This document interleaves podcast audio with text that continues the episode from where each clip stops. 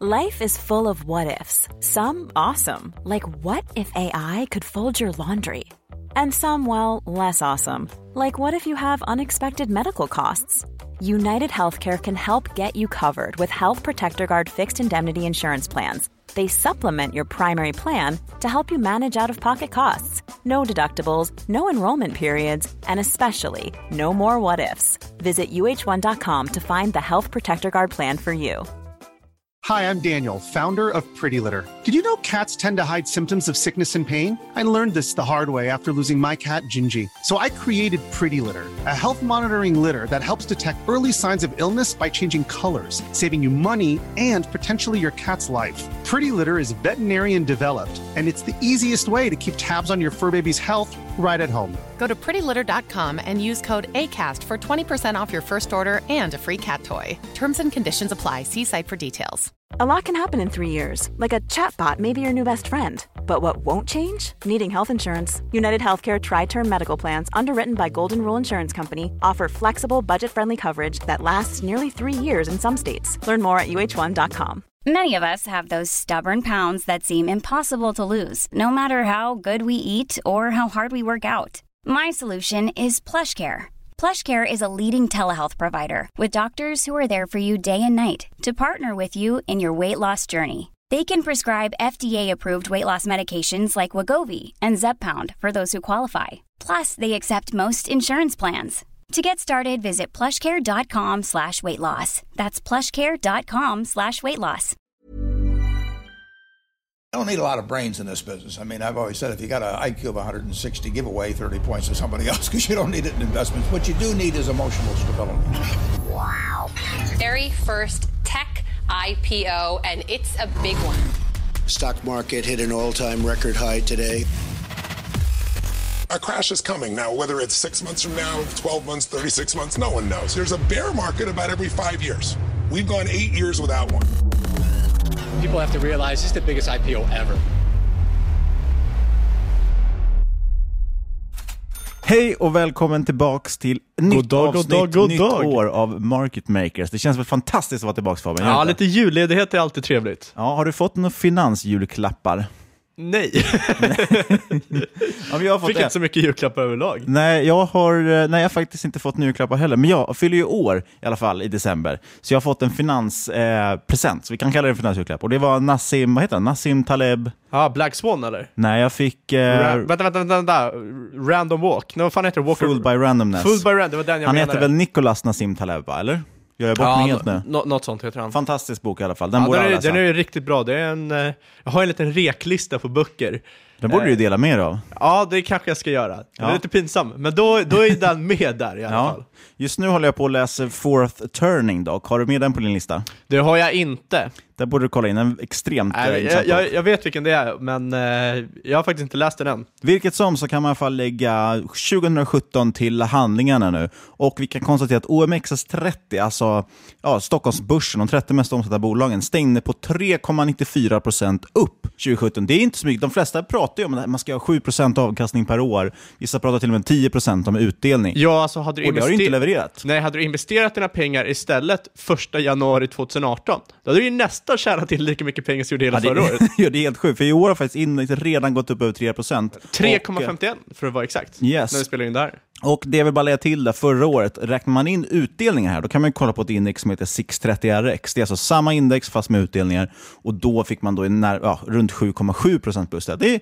Det är rätt bra avkastning Det idag. det är hög utdelning för så här stora bolag. Verkligen. Samtidigt kan jag tycka då att, eh, visst, många pratar om den här 7% avkastning, det det är en bra årsavkastning, men med tanke på vilken otrolig bullmarknad vi liksom har haft och vilken risk man ändå tagit, så är inte det så jäkla bra. Nej, absolut inte. Men eh, man ska väl ändå ha liksom no no någonting i baktanken, att man inte, eh, du ska inte lägga ribban för högt. Jag tycker ändå att 7% avkastning sett över tid är relativt rimligt. Ja, och speciellt med tanke på att vi då enligt Riksbanken för har väldigt låg inflation i Sverige så har ju köpkraften ökat väldigt bra. Den reella avkastningen är ju bra.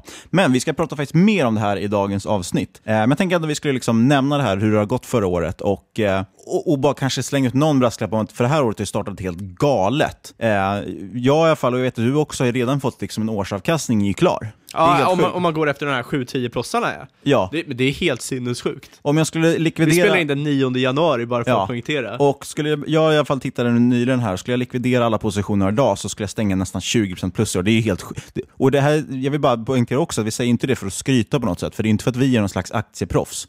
Nej, vi, Utan vi är är- snarare tvärtom. Ja, och det är bara, det, det säger någonting i alla fall om marknaden här nu och hur bubbligt det är. Och, och vi känner ju, vi har ju bägge läst fysik, så att jag menar vi kan ju Newtons tredje lag, att varje reaktion måste ha en motreaktion. så att eh, bara så vi vet, så nästa månad, eh, om fyra avsnitt, så kommer vi inte vara lika positiva kanske.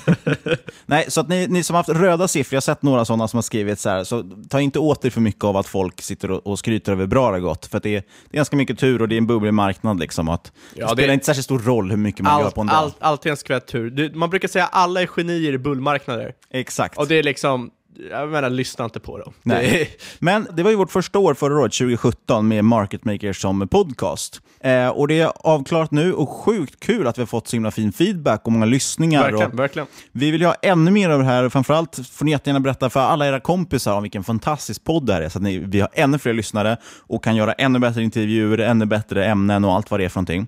Och vi har bett om förslag, både på ämnen och intervjuer och så. Vi har fått in en del, men vi vill ha mer. Och var ska man då skicka sina förslag? Ja, du pratar med mig. Ja! du kan kontakta oss på podcast ipo.se eller på Twitter under snabel marketmakerspodd. Exakt, och eh, vi vill ju kunna fortsätta leverera bra investeringsidéer, men det är ju så här, marknaden är sjukt övervärderad, väldigt brett övervärderad också. Därför tror jag att det kan bli, jag tror att det kommer bli ett spännande år, för att vi måste hitta väldigt intressanta case liksom nu. Och det kanske kommer bli lite mer tillväxtmarknader som Kina, Indien, Vietnam, kanske lite ovanliga Ja, även de marknaderna börjar, börjar hetta till. Ja, så jag tror att det kan bli intressant. Sen har vi fått fråga också så här, vad man kan följa oss personligen. Och vi har ju inte jättemycket så utöver podden. Vi, jag har i alla fall skrivit på Twitter, då kan man hitta mig att Aldén understreck Niklas. Eh, sen så har jag pratat om, eller jag skulle vilja ha en sån Cheryl-portfölj, men eftersom jag faktiskt använder Avanza för, framförallt så, så blir det lite knepigt. Eh, men var kan man följa dig någonstans? Ingenstans. Ingenstans, Men, du är helt eh, anonym.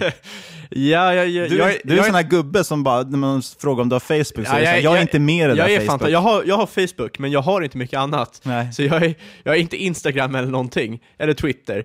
Eh, så jag är lite efter i tiderna. Kanske borde fixa det, men jag orkar inte göra Vi gör det. så här, jag lägger ut en omröstning eh, på Twitter efter avsnittet går ut, där, jag, där vi frågar om ni, om ni tycker att Fabian ska skaffa Twitter eller Men det inte. där kommer bara vara stelt, för det kommer vara två som svarar, det är min mamma och min flickvän. Ja, men jag tror faktiskt inte de följer mig på Twitter. ja, ni får gärna följa att Market Makers podd i alla fall, och så kan ni följa att Aldén Niklas. Jag skriver ju Aldén understreck Niklas. Jag skriver lite mer i alla fall än vad podden gör. Dags att gå in på vårt nyhetssvep. Och det är mycket som har hänt. Vi har haft lite julledigt ju, så det har hänt massa saker. Det största som har hänt just nu, och eh, det var väldigt mycket snack om det här förra året, det är att Mifid 2 har lanserats. Ja, och det här är det väldigt mycket förvirring kring. Mifid 2 är ju alltså ett nytt regelverk från EU. Det är 7000, ö, nästan 7000 sidor långt, det här regelverket, vilket gör att det blir helt omöjligt att sätta sig in i. Men tanken är att det ska skydda investerare och öka transparensen. Ja, och det är liksom, det har ju kommit nu efter 08-krisen, för att man ska kunna försöka förhindra att det händer igen. Exakt. För att ett problem där var ju att man sålde instrument som inte var så transparenta. Så att några tydliga förändringar. En man har sett till exempel det är att ticker-sizen har förändrats på Stockholmsbörsen. Eh, förut var det ju oftast, jag vill minnas att det är 50 öres eh, skillnader när man lägger order. Och nu helt plötsligt har man, kan man handla liksom ett öre i taget upp och ner. Och jag, jag tycker, ser inte riktigt vad det här skulle vara för positivt. Det enda det egentligen gynnar det är ju att liksom folk som har trading-algoritmer, de kan nu liksom frontrunna det. Så de kan, när du lägger en order då på 14,01 så lägger de en order på samma på 14,0002 och så köper de dina aktier och säljer dem till den dyrare. Så jag vet inte, det, jag ser inte riktigt varför, varför det här skulle gynna investeraren egentligen. Ja, dessutom har det pratats mycket om fonder. Nu kan man ju se både förvaltningsavgiften samt den totala avgiften när man räknar in fondens kostnader för transaktioner. Och det har visat sig att många fonder har mycket som 100% pålägg på förvaltningsavgiften. Och en fond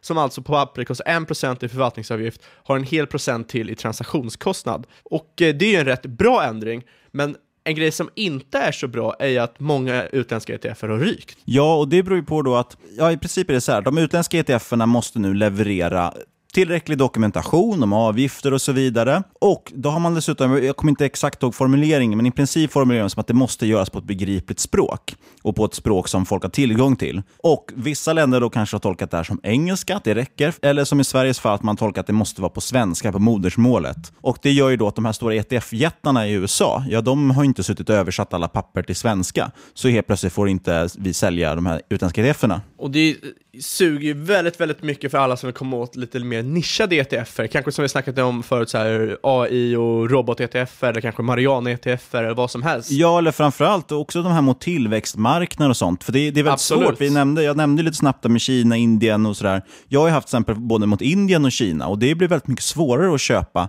när man bara har det svenska fondutbudet. Ofta får du gå till de här lite specialiserade fondutgivarna som till exempel kanske East Capital och Tundra. Då, och de är oftast ganska mycket dyrare eftersom de bara kan sälja till svenska kunder. Du får ju väldigt mycket stordriftsfördelar när du driver en ETF som säljs över hela världen så att du kan ta mindre förvaltningsavgifter. Så det har blivit billigare via ETFer och det har tyvärr försvunnit nu. Men det kan ju vara så att det här kanske ändras. De kanske översätter dem. Kanske någon vänlig själ på någon nätmäklare som sätter sig och översätter de här. Jag vet inte om det går. Eh, Så förhoppningsvis får vi tillbaka dem snart. Förhoppningsvis. Jag, jag saknar dem redan och då köpte jag inte särskilt mycket via ETFer från första början.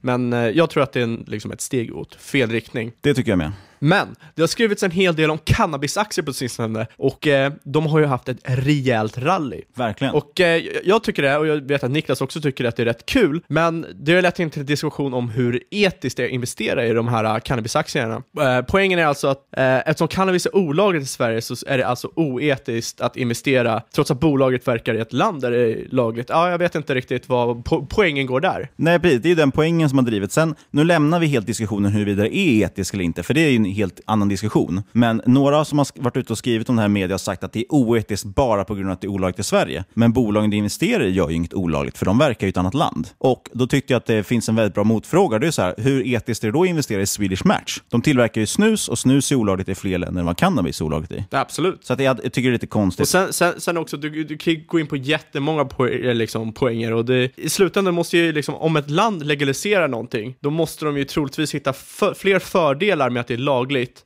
än fördelar med att det är olagligt. Exakt. Så att så, så, på det sättet är det antagligen, ja, jag vet inte, jag tänker inte ens spåna om det, men man får, man får sätta sina egna, jag inte, sina egna tankar om det är etiskt eller inte. Ja. Sen har CES, Consumer Electronic Show, dragit igång. Det är ju världens största liksom, mässa för konsumentelektronik. Och då tänkte jag nämna att det här kända VR-headsetet Oculus, eller Oculus Rift, som då Facebook har köpt upp. De har nu teamat ihop med Xiaomi, som är en kinesisk mobiltillverkare och en av världens högst värderade startups. De har gått ihop, ska starta produktionen av något som heter Oculus Go. Och Det ska då vara ett standalone VR-headset som tydligen ska släppas redan i Ja, år. Det var tidigare än vad jag trodde. Eh, jag tror till och med att det ska släppas nu under våren. Ja, precis. Tidigt i år till och med. Ja, och eh, det ska vara jäkligt billigt. För om du kollar på eh, de andra VR-headsetsen som finns, antingen har de här stora, eh, typ Vive, som du måste koppla in en dyr jäkla dator, så då kanske du pröjsar Och med massa kablar och grejer. Exakt, så då kanske du pröjsar 10 000 för headsetet och sen kanske du pröjsar 15-20 för datorn. Eller så de här lite billigare och då kanske du bara pröjsar eh, 2 000 för headsetet. Men då måste du ha mobil för 8 000. Grejen med Oculus Go är att den kommer kosta typ 2 500. Och vara helt standalone. Exakt, Sköta helt standalone. Du behöver ingenting. Och det här kan ju verkligen få in VR i mainstreamen. Så det är lite intressant. Så Facebook är det som är kopplat till det om man tror på det här. Eh, och dessutom kan man ju nämna att det kommer vara processorer från Qualcomm som ligger där. De här Snapdragon-processorerna som finns i, ja, det väl nästan alla mobiler runt om i världen. Och de finns ju också noterade på börsen om man tycker det är spännande. Sen, ett annat teknikbolag. Yes, GoPro sänker drastiskt sin prognos för Q4 och faller handlöst på börsen. Och ni kanske kommer ihåg GoPro, eftersom GoPro... Exakt, actionkameran. GoPro var också en av de hetaste aktierna på börsen för några år sedan. De var sjukligt haussade. Och nu försökte de ge sig in i drönarvärlden då och lanserade en drönare med en integrerad kamera. Och det är den här som har gått riktigt uselt. Och man lägger nu ner det här och liksom försöker sälja ut det. Det här belyser verkligen problem med äga ett bolag som bara en produkt. För GoPro är har ju varit i alla fall en one-hit wonder och det gick väldigt bra för kameran, men nu har ju alla kopierat den. Och det är bara att gå in på närmaste Elgigant eller Mediamarkt eller vad det är, så har ju de egna versioner som är billigare och mindre och liksom, ja, samma kvalitet. Så att, eh, jag tyckte det var lite intressant i alla fall att man, man ska nog akta sig för den här typen av bolag som bara har en enda grej som, som bygger väldigt mycket på något som är lätt att kopiera. Jag håller helt med. Och eh, sen för att avsluta det här nyhetssvepet så tänker vi ta upp ett litet bolag som, eh, ja de har gjort oss lite besvikna på senaste tiden och det här är inte första gången ni hör om dem i podden. Vilka snackar vi om Niklas? Vi pratar om Tesla. Elon Musks Tesla. Och de har riktigt, lyckats riktigt dåligt med att leverera, framförallt den här nya modell 3. Och det här precis där har vi pratat om tidigare i podden, bland annat när Anna Svan var här, eh, om att de börjat... Ah, de, de har väldigt svårt att leverera. De kommer inte riktigt igång med produktionen i sina fabriker. Och det känns ju ganska A och O att man kan leverera när man säljer. Annars är det svårt att driva en lönsam business. Och Det kan vara så kanske, med tanke på den här fantasivärderingen bolaget har, så kanske det här visar sig vara årets blankningscase. Kanske det, men också du måste vara jäkligt våghalsig för att gå in och blanka Tesla eller andra techaktier i det här klimatet. Det enda läskiga vore att blanka bitcoin tror jag. kan vara så. Det är i alla fall årets första nyhetssvep till handlingarna också. Skäligt. Nu är vi igång.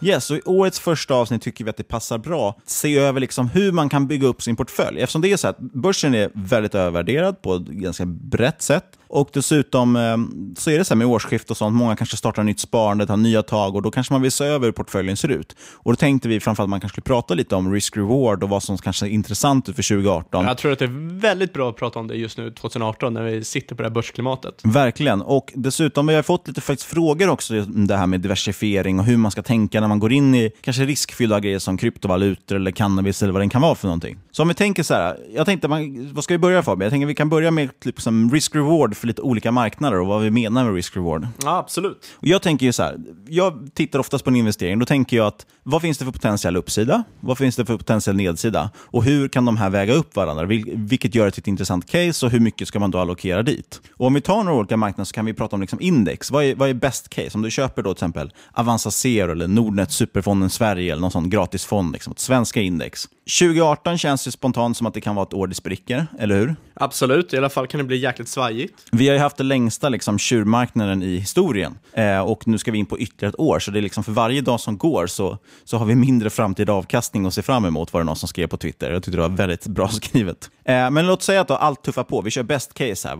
Vad kan hända? Ja, ungefär en fjärdedel av Stockholmsindex är cykliska bolag och vi är på toppen av en högkonjunktur. Eh, sen har vi bank och de kanske kan ge lite mer, men det är knappast något som liksom dubblar i kurs på ett år. Nej, absolut inte. Eh, och utöver det har vi lite så surdegar, vi har H&M, vi har Ericsson, Telia. Glöm inte Fingerprint. Fingerprint. Så frågan är så här, kan ett sparande i en indexfond 2018 ge 10% avkastning? Nej, jag, jag tror helt enkelt inte att, eh, jag tror inte index kommer ge 10% avkastning på flera år. Alltså överlag kommer det göra det, men eh, per år kommer det inte ge 10% avkastning. Nej, så kan det vara. Men vi säger då att eh, som best case så kan vi ha 10% i år.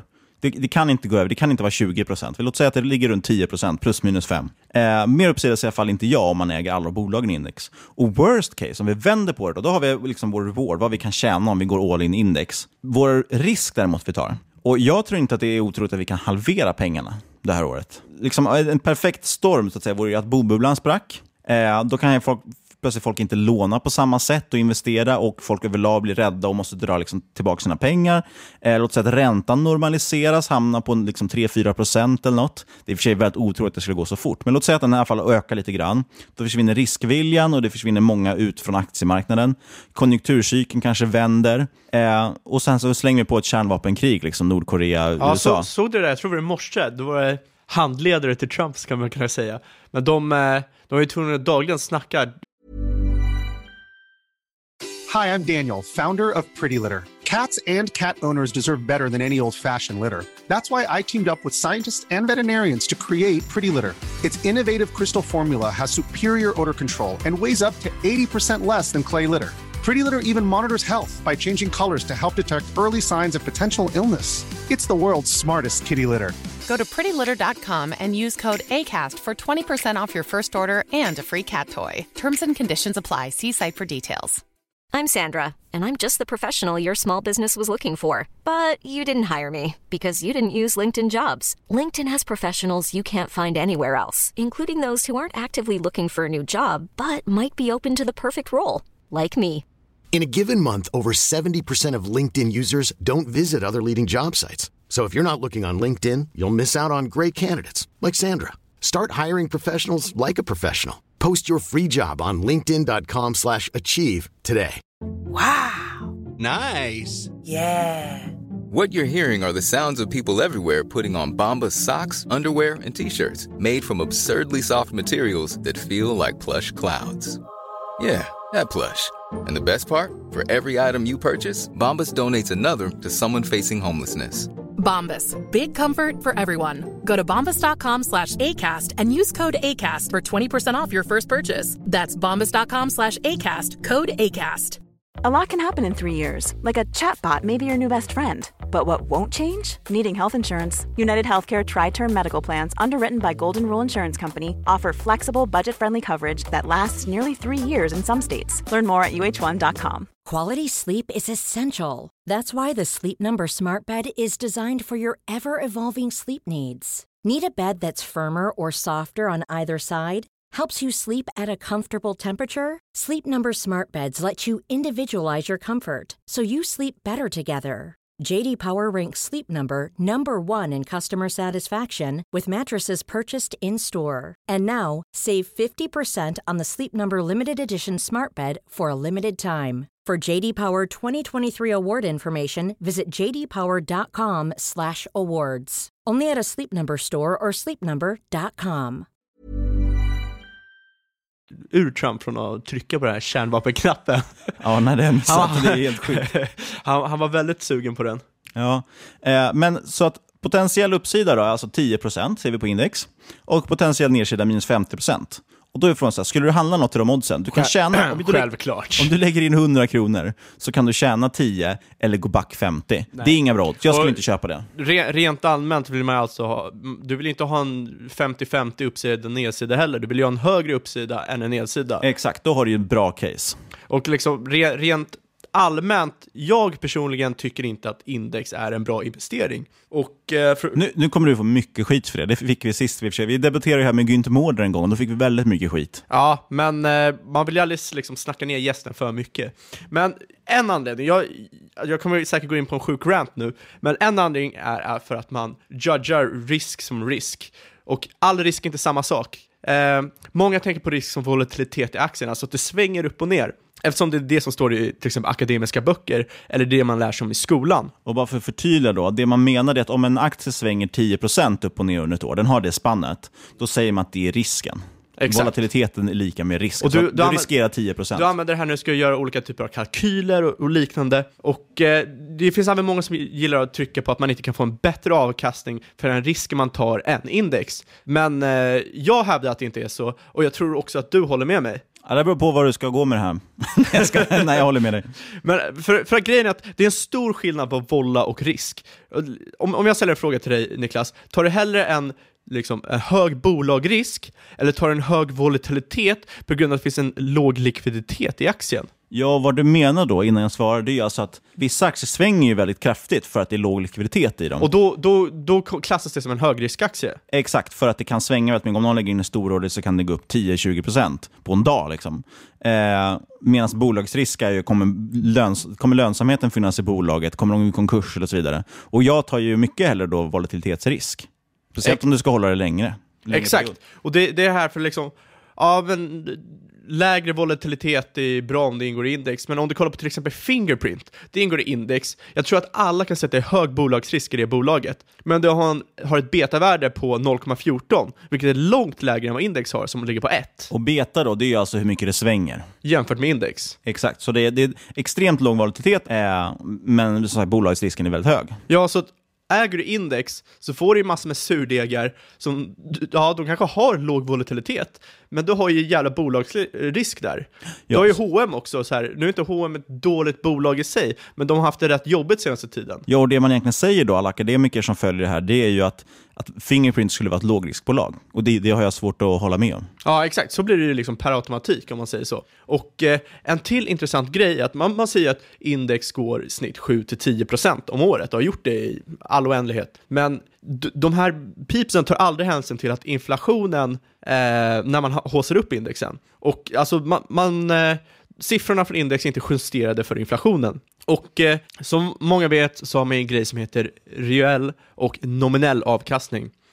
Reell avkastning så tar man hänsyn till inflationen och nominell så gör man inte det. Så för att dra ett räkneexempel, om börsen har gått upp 10% och inflationen var 2%, då är den nominella avkastningen 10%. För det är det du har tjänat i faktiska pengar. Men reell avkastning är 8%. Det är alltså 10% minus 2% inflation. Det är så Exakt, mycket din och det- köpkraft har ökat. Det, det är väldigt få som faktiskt räknar. Det här gäller inte bara liksom när man kollar index, det gäller när folk räknar på sin liksom, aktieportfölj också. Då kollar de ju på den nominella.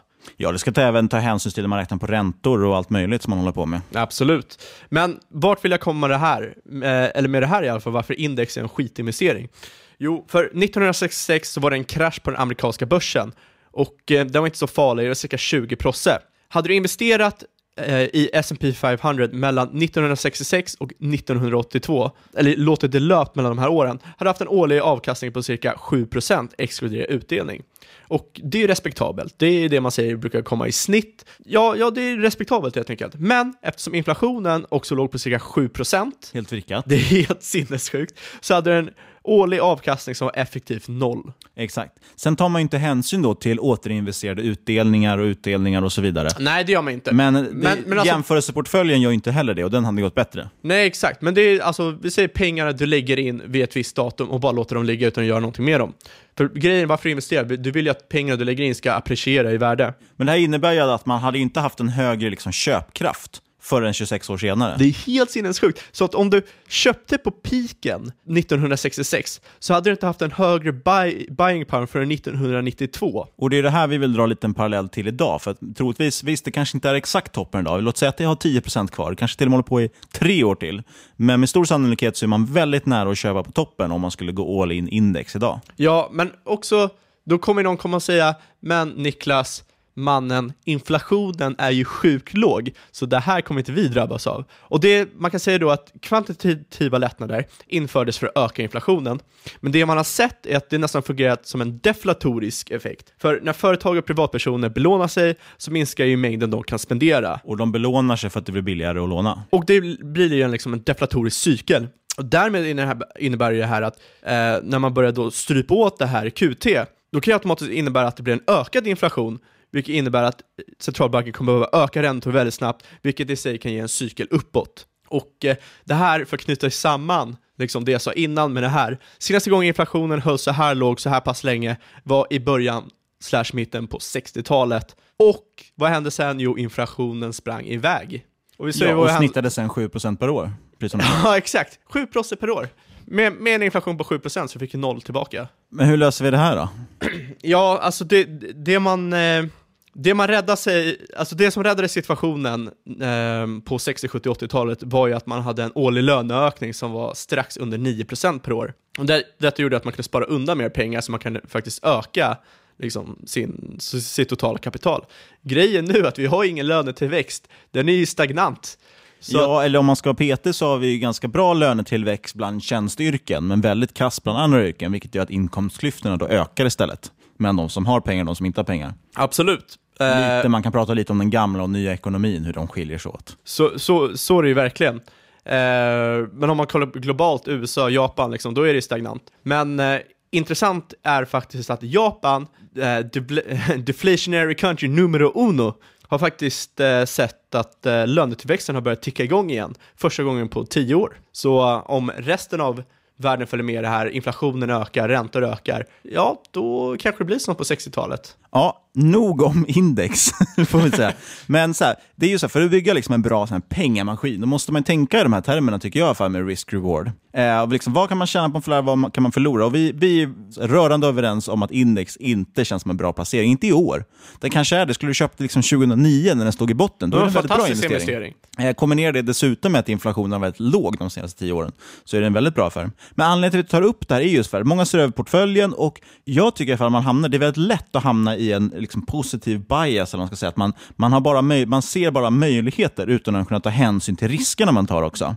Eh, och det är faktiskt så att allting går ju inte bara upp. Ja, rent allmänt så är människan som liksom, individ väldigt dålig på att liksom, se risker, utan ser ju mer opportunities. Och då, när man kommer in på det här, då är frågan så här, okej, okay, men nu har vi bara suttit och bäsat index och vi har pratat om risk-reward. Så jag tycker en av första frågorna man ska ställa sig nu när man ser över sin portfölj, det är vad förväntar man sig för avkastning? Och då ställer jag den frågan till dig Fabian, vad, vad siktar du på för avkastning varje år? Det är en svår, eh, det är en svår fråga. Jag, eh, jag är lite tävlingsmänniska, så jag vill ju alltid slå index. Men eh, Alltså alla mina kalkyler när jag räknar ut liksom, ah, när jag är i den här åldern ska jag ha så här mycket pengar, när jag är i den här åldern ska jag ha så mycket pengar, då utgår jag från en cirka 7% i avkastning. Så det är väl liksom någon typ av minimigrej att avkasta över tid. Så det egentligen, du skulle egentligen vara nöjd om du hade 7% per år?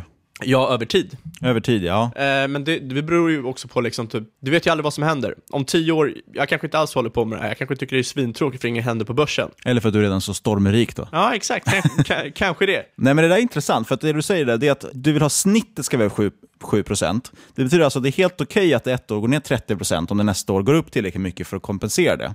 Eller då på, i alla fall på I, längre, i, en I längre tid. teorin är ju det, när man sitter och räknar på det. Sen Exakt. rent praktiskt skulle det nog inte vara det. Och jag hade nog liksom, jag vet jag hade ju avkastat 7% förra året, hade jag inte varit nöjd jämfört med vad jag faktiskt fick. Nej, och det är det där som är intressant, för det är många som missuppfattar den där som tror att det ska ge 7% varje år. Men sanningen är ju just det att, att snittet har varit 7%. Så att du kommer ha år som är fantastiska och år som är väldigt dåliga. Eh, jag, Fa- Faktiskt är det ju ofta så att du har väldigt få år som är fantastiska och väldigt många år som är rätt dåliga. Exakt. Och de väger ut varandra. Ja, och då måste du våga ligga kvar även när det går dåligt om du ska ha den strategin. Jag har ju försökt sikta på, det är ju väldigt svårt, eller ja, det är ju lätt när allting går upp, men det kommer vara svårare när saker går ner. Och det är att jag vill ju gärna ha en absolut avkastning. Jag skulle gärna vilja ha typ 10% per år.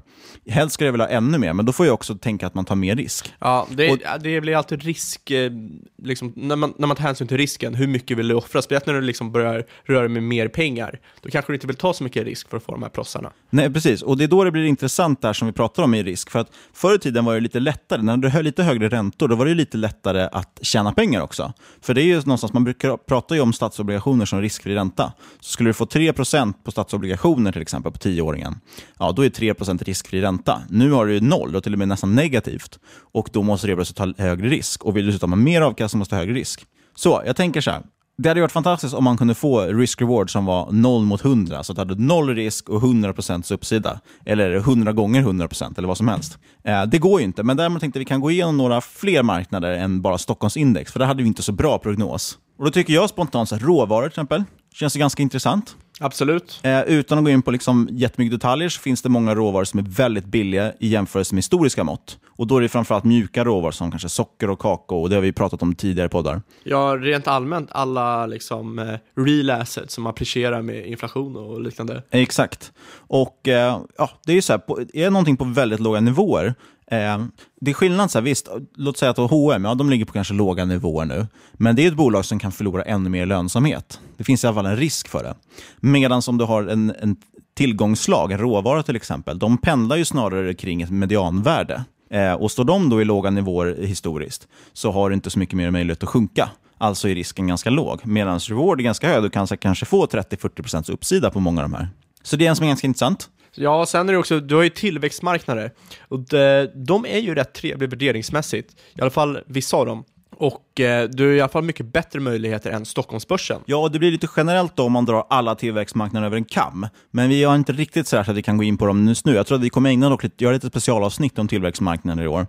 Eh, men generellt, så här, nedsidan är lite mindre än för Stockholmsbörsen, tror jag i alla fall. Och uppsidan är ganska mycket större, vilket gör att det kan vara en bra investering då, om man vill ta lite mer risk, eh, med möjlighet till bättre avkastning. Sen tycker jag kryptovalutor måste vi nästan lyfta, även fast vi inte ska prata så mycket om det. Nej, äh, här har du ju risk deluxe.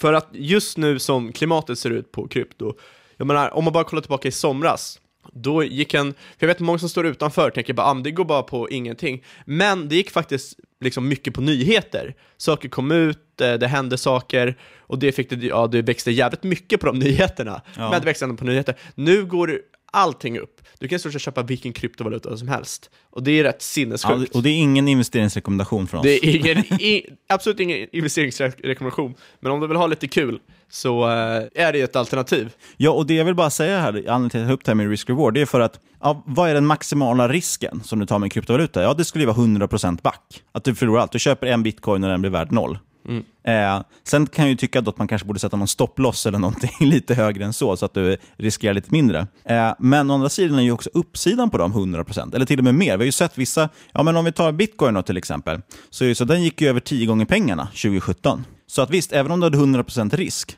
så visar det sig att uppsidan också var 10 gånger pengarna. Och eh, då blir det helt plötsligt 10 till 1. Det blir en ganska intressant fördelning.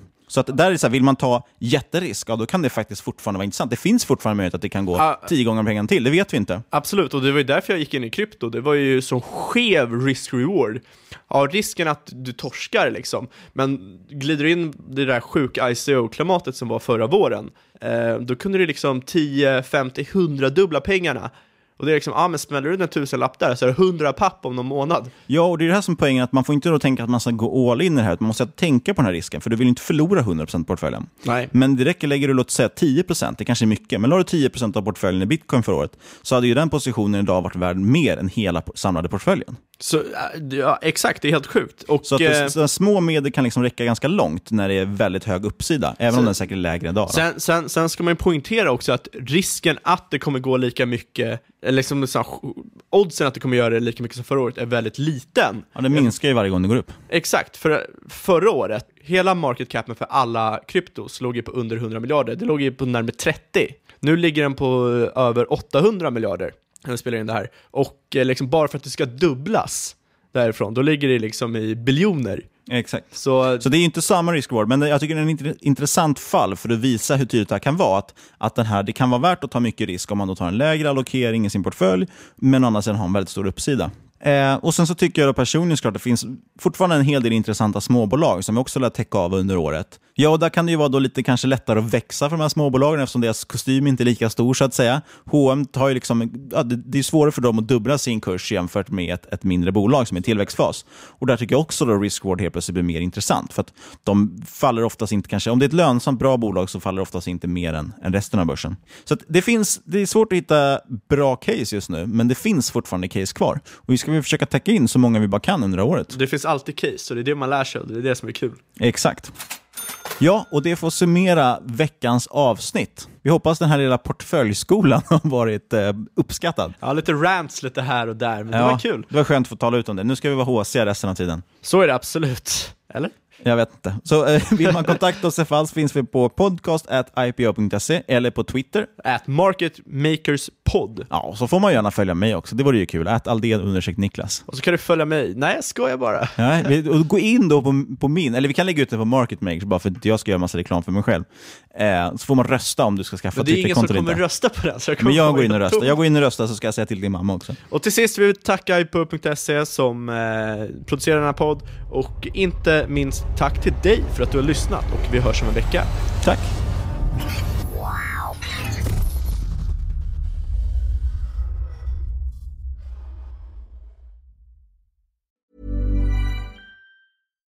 Hi, I'm Daniel, founder of Pretty Litter. Cats and cat owners deserve better than any old fashioned litter. That's why I teamed up with scientists and veterinarians to create Pretty Litter. Its innovative crystal formula has superior odor control and weighs up to 80% less than clay litter. Pretty Litter even monitors health by changing colors to help detect early signs of potential illness. It's the world's smartest kitty litter. Go to prettylitter.com and use code ACAST for 20% off your first order and a free cat toy. Terms and conditions apply. See site for details.